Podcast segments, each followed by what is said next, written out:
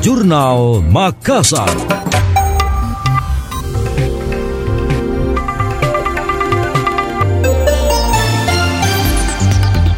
Kementerian Agama meresmikan fasilitas baru manasik haji di Asrama Haji Sudiang Makassar.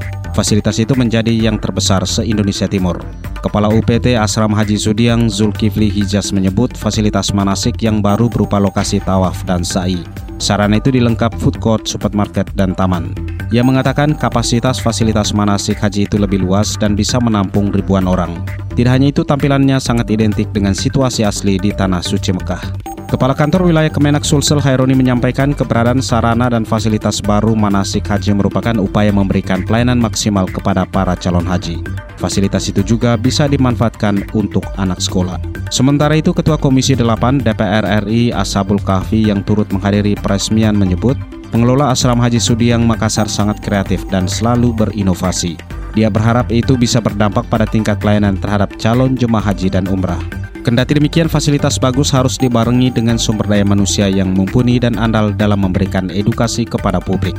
Petugas haji atau pemateri manasik haji itu harus berasal dari person yang memiliki wawasan keagamaan modern. Jumlah polisi hutan di Provinsi Sulawesi Selatan rupanya masih minim jika dibandingkan dengan luasan hutan. Hal ini membuat pengawasan dan perlindungan hutan menjadi belum memadai.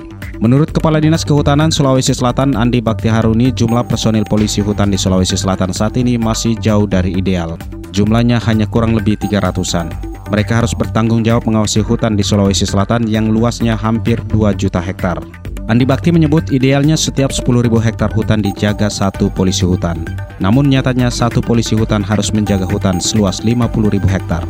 Meskipun proporsinya masih kurang namun polisi hutan tetap dipertahankan. Hal itu karena keberadaan polisi hutan masih dianggap penting untuk menjaga kelestarian ekosistem hutan dari pembalakan liar serta ancaman lainnya. Hanya saja status polisi hutan kebanyakan pegawai non-ASN.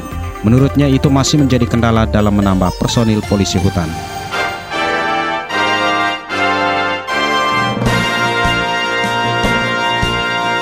Demikian tadi, Jurnal Makassar.